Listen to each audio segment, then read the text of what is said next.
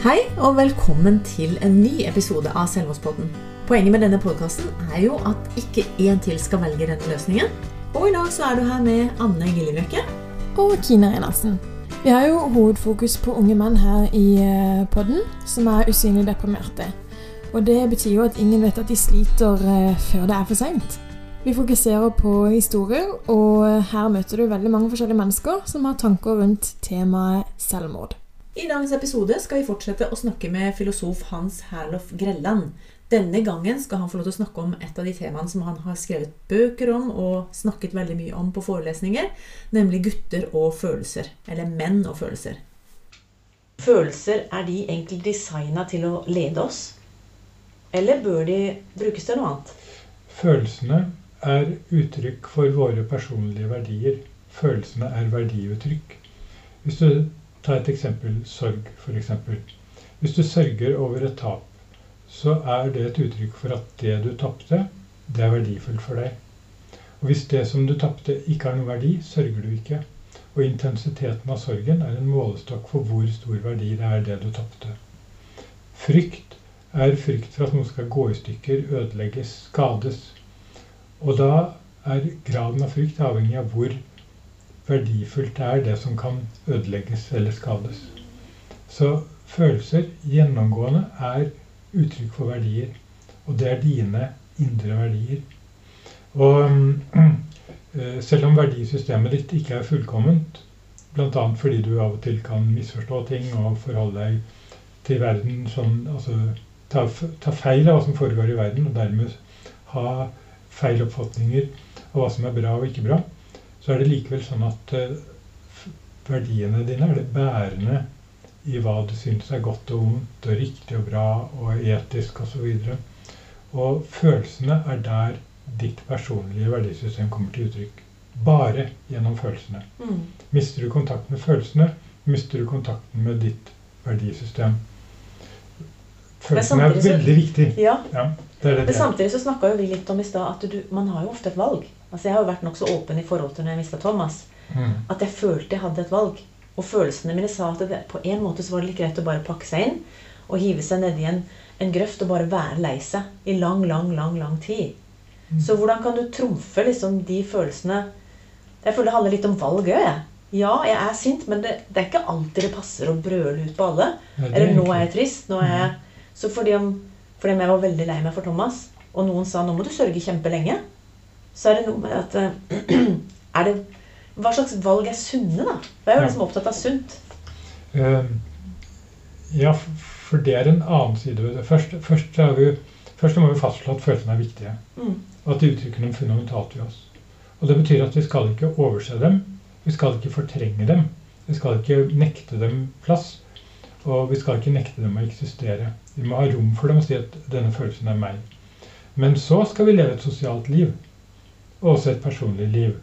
Og da er det klart at følelsesuttrykk kan jo være så mangt. Ja. Og hvilken plass en følelse får i livet mitt, kan også være så mangt. Kan, du kan velge å la den dominere hele livet, eller du kan la den få en liten, avgrenset plass. Men så lenge du tillater deg å vite at følelsen er der, og ikke bli flau eller skamfull over den selv, mm. og ikke som noe som du skal skjule fordi da blir du et mindreverdig vesen, så er det ok å plassere følelsene på en fornuftig måte. Ja. Så det er jo et, et, godt samspill mellom fornuft og følelser er jo ikke så dumt uansett. Det er helt klart. Mm. Hvis vi snakker til en ung gutt nå ja. Nå er vi jo inne i det sporet med disse følelsene. Og hvis du har disse tankene og følelsene om veldig skam og veldig lei meg og alt dette her, har du noe råd du kan gi? Til denne gutten? Ja, til denne gutten. Ja, for det første vil jeg si til ham at um, gjøre ham oppmerksom på at han faktisk har følelser. Altså mer følelser enn han kanskje tenker over at han har. Og så at disse følelsene er verdifulle, og at de er uttrykk for noe dypt i ham selv, og veldig verdifulle. Og at han må ta vare på dem, og tenke på at jeg er noe fint fordi jeg har følelser. Selv om de er triste følelser? Selv om det er triste følelser, selv om det er følelser som viser svakhet. Som jo er det skumle for menn. ikke sant? Vi skal være sterke og tøffe. Mm. Men frykt og sorg og sånn er sånn som viser svakhet. Men vi skal se på følelsene som verdifulle.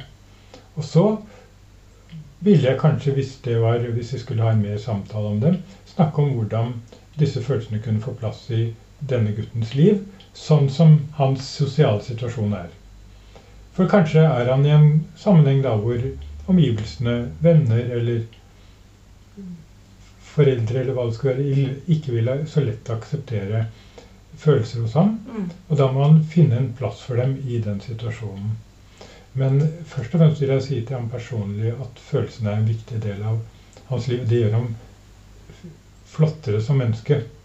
Så fine ord ja, du sier. Ja, det, for det er jo det som man må gjøre her. ikke sant, Å få frem at det er, det er ikke noe som en gutt skal skamme seg over. Veldig enig. Mm. Det, som, det, som, er typisk nå når vi ser på tallene fra 2018, så var det 674 mennesker som tok livet sitt. Og så er det sånn at to av tre av de var jo helt utenfor psykisk helsevern. Og jo, For mange av oss så blir det jo å distansere oss fra ja, selvmord kan ikke hende med noen av mine. For de, det er jo veldig deprimerte mennesker som er inn og ut av sykehus. Men det er jo ikke sånn. Har du noen tanker rundt det? At det er så mange som ikke har fått hjelp, eller bedt om hjelp, ja. som, eh, som, tar sitt eget liv? Eh, jeg ville begynne med å tenke at menneskets nå snakker vi om syke, og det er jo et gammelt gresk ord for sjel. Eh, menneskets sjel er egentlig en veldig kompleks ting. Og det er en veldig kompleks ting, og en veldig eh, følsom og sensitiv ting. Sjelelivet er det. Det er, det er, mye som står på spill. Og det er alltid mye som står på spill for oss. Eh, det er mye mer komplekst å være et menneske enn vi tenker over før vi begynner å komme til diagnoser og sånt. Så mm. det er rett og slett for alle og enhver så er det mer komplisert. Det er mer som står på spill å være et menneske enn vi er vant til. Enn, enn vi er vant til å tenke. Uh, og så kommer jo fortsatt helsevesenet inn med sine diagnoser for å ta de mest ekstreme vanskelighetene og hjelpe oss med dem. Og det er fint, det skal vi være takknemlige for. Men det er klart at det er ikke sånn at fordi man ikke har en diagnose, så er ikke livet vanskelig. Nei. Og det kan være dypt vanskelig. Altså Det kan være mye som står på spill, og det kan gå dypt i en selv. Sånn at man har følelsen av at hele livet står på spill. Og allikevel er du ikke noe som det kan settes en diagnose på. Og det, det må vi akseptere. Mm. Og dermed så kan på sett og vis ikke helsevesenet alene løse dette ved hjelp av ved hjelp av eh, diagnoser.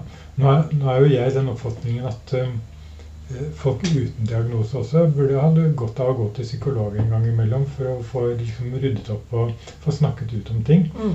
med en person som ikke er kan det kanskje være en psykolog eller en sjelesørger eller en annen person som man ikke har en tilknytning til, og derfor må skjule for, ting for. Uh, så det, det, vil jeg uansett anbefale. Men uh, men eh, det foregår mye i sjelslivet som ikke fanges av diagnoser. Da. Du fortalte litt åpent i stad når vi prata før intervjuet her, om din egen vei til hvorfor du hadde valgt filosofien. Kan du ja. si litt om den lille gutten?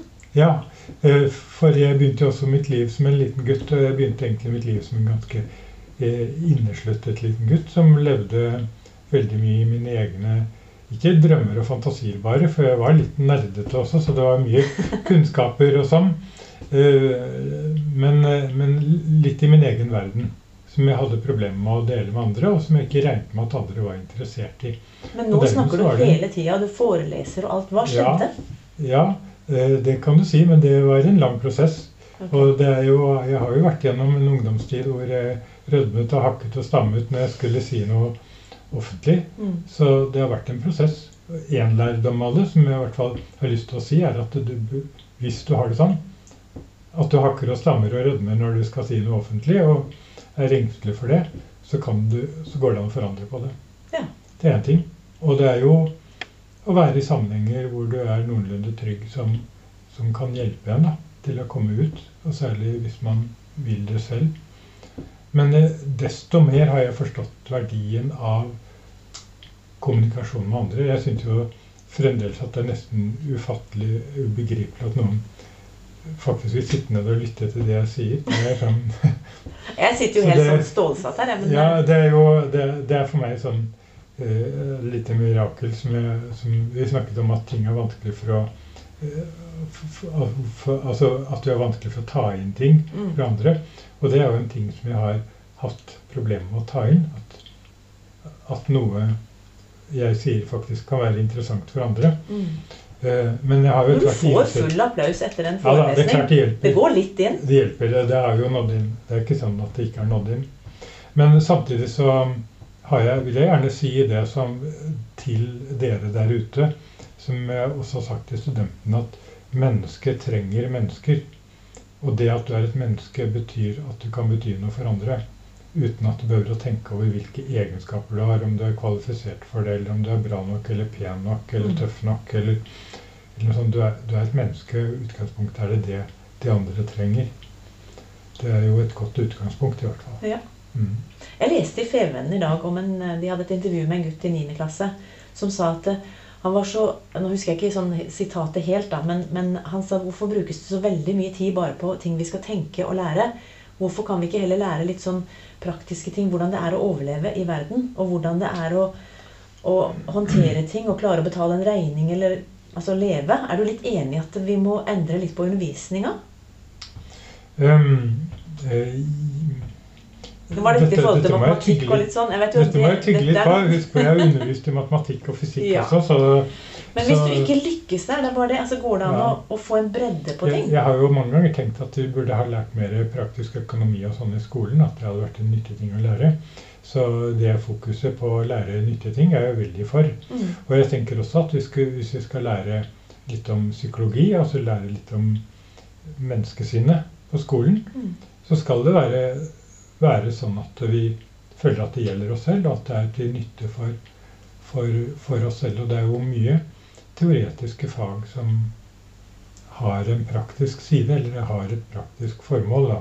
For det er litt sånn som ja. du er. Jeg tror du mikser disse tingene. Du, mm. altså, du gjør til og med matematikk ja. praktisk. Ja. Men det er jo sånn at eh, det er jo sånn. Altså, uh, la oss si fysikk, f.eks. er jo et veldig teoretisk fag og veldig abstrakt. Og så samtidig alt det abstrakte handler om hele tiden om konkrete ting. Så fysikkstudenter lærer jo f.eks. en abstrakt matematisk ligning. Og så sitter de og regner og regner på konkrete anvendelser av dette. Og, og, eh, og, og se hvordan ting er i praksis. Da syns jo disse, disse, at det er gøy, selvfølgelig. Mm. Eh, men eh, jeg får sitere en student jeg hadde som, i matematikk som utgangspunktet ikke trodde det var noe stas. Og som sa at ja, men matematikk er gøy, det er når jeg får det til. Og det er noe der og da. Ja, ja, det syns jeg òg. Så jeg litt, jeg er litt tilhenger av begge deler. Jeg syns at vi absolutt bør lære praktiske ting. Mm. Men jeg syns det er veldig fint å lære noe teoretisk også. Det skjønner jeg. Ja. Eh, vi begynner å nærme oss slutten, og vi hadde et spørsmål som handler om dagsformen. Altså hvordan du har sovet, hvordan du har spist, hvordan du har det. Um, hvis du spiser eller sover dårlig, så er det lettere å tenke negative tanker og få negative følelser. Tenker du at, uh, at disse tankene er forbipasserende? Er det kanskje noe som kan gi håp til folk? At dette er ikke permanent? liksom? Ja. Den inngangen der. Hvordan skal vi håndtere det når vi er slitne? Åssen bør vi passe på oss sjøl da? Vi bør jo akseptere at vi er slitne når vi er det. Og gi oss selv det frirommet som vi trenger for å ta oss inn Eh, nå føler jeg at dette er jo ganske banalt og enkelt, men det er jo, det er jo et poeng, det.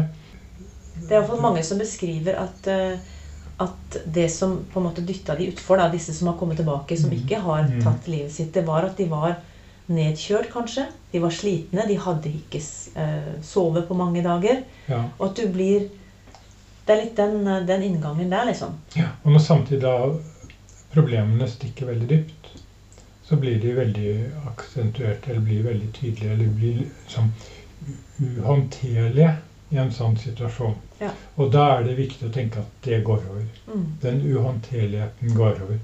Vi er faktisk slitne av og til. Og det som kan virke helt altfor stort og altfor uhåndterlig til en tid, når vi får litt krefter, når vi får en annen situasjon, når vi får koblet av, når vi på en eller annen måte får, får uh, omkoblet oss, så fortoner de seg på andre måter. Det er alltid andre måter å, å, se ting på. Så vi blir jo når vi er slitne, så blir vi jo litt fanget av bekymringer. Mm. Og jeg kjenner vel som mange andre til alle de bekymringene som jeg har ligget våken for, som aldri har blitt noe av. Det er litt bortkasta? Det, det, er jo bortkastet. Men det er jo ikke så lett å vite det når man er midt oppi det. Men eh, å tenke på det at dette, dette, er ikke tidspunktet til å løse dette problemet. Det dette er tidspunktet til å hvile. Mm. Helt til slutt, har du sånn, noe du har lyst til å si? Ut der ute til alle disse millionene av lytterne? Nei, vi er ikke helt der ennå. Men uh, har du noe sånt du har lyst til å si til unge som sliter i dag, sånn generelt? Jeg er jo opptatt av det som så veldig Det er veldig vanlig å si i dag at uh, du skal være deg selv. Til og med ofte med tilføyelsen å ikke bry deg så mye om hva andre sier. Det er helt umulig å ikke bry seg om hva andre sier, og det, man bør jo heller ikke være i en situasjon hvor man ikke bryr seg om hva andre sier. Man bør jo bry seg om det. Men å være seg selv er ingen enkel oppgave. Å være seg selv er å virkelig ha følelsen av at det er jeg som lever mitt liv. Og da kan godt det livet være veldig rutinemessig. Du kan godt ha en jobb hvor du gjør skal si, forholdsvis enkle og gjentatte ting, praktiske ting. Og så kan du oppdage at dette, dette er det jeg som gjør, og dette har jeg glede av å gjøre. Mm. Og det er jo kanskje livets store utfordring å finne frem til den følelsen at det, det er jeg som Det ekte jeg som er til stede i livet mitt og lever det. Og det er jeg som Når jeg er i et kjæresteforhold, så er det jeg som er glad i kjæresten min, og jeg gjør det fordi det er godt for meg. Uh, påminnelse som kanskje noen trenger. Samtidig så må vi ha en utholdenhet med at i perioder av livet så er vi nødt til å gjøre noe som ikke er gøy for, for at det skal bli bedre. Mm det, vi kommer jo ikke utenom det heller. Vi kan ikke bare si at vi alltid skal ha det fint hele tiden. Men det, liksom, grunntanken er at jeg skal leve et liv som jeg føler er mitt eget, og som jeg kan være til stede i. Det var en flott avslutning på et veldig spennende intervju. Tusen takk igjen, Hans Herlof Grelland, for at du kom tilbake igjen og ga oss enda flere enda mer innsikt i dette med følelser og filosofi, eksistensialisme. Det er store ord, men du har satt uh, gode, norske og forståelige ord på det. I hvert fall for meg her. Så tusen takk. Ja, selv takk. Det var, det var fint å ha denne samtalen. Det kan være et stort steg å skulle ta opp telefonen og ringe til hjelpetelefonen. Hvis du begynner i det små, så er det kanskje litt eh, enklere. Eh, vi har fått flere tips fra folk som har sendt eh, et bilde til noen for å prøve å formidle at de sliter. Men hvis du greier å ringe eller chatte med hjelpetelefonene, så har vi jo et par som du kan ta kontakt med. Da er det både Kirkens SOS og Mental Helse som er døgnåpne krisentelefoner. Du kan ringe Kirkens SOS på 22 40 0040 og Mental Helse på 11 61 23. Så er det jo Leve, som er Landsforeninga for etterlatte ved selvmord. Og så har vi også Kors på halsen, som er via Røde Kors, som er også samtaletelefon for barn og unge under 18. Og så er det også flere av disse, bl.a. Kirkens SOS og Mental Helse, som har chat for de som syns det er enklere. Og da er vi kommet til slutten av denne episoden i Selvmordspodden. Vi ønsker deg en riktig god dag videre og håper at vi høres igjen.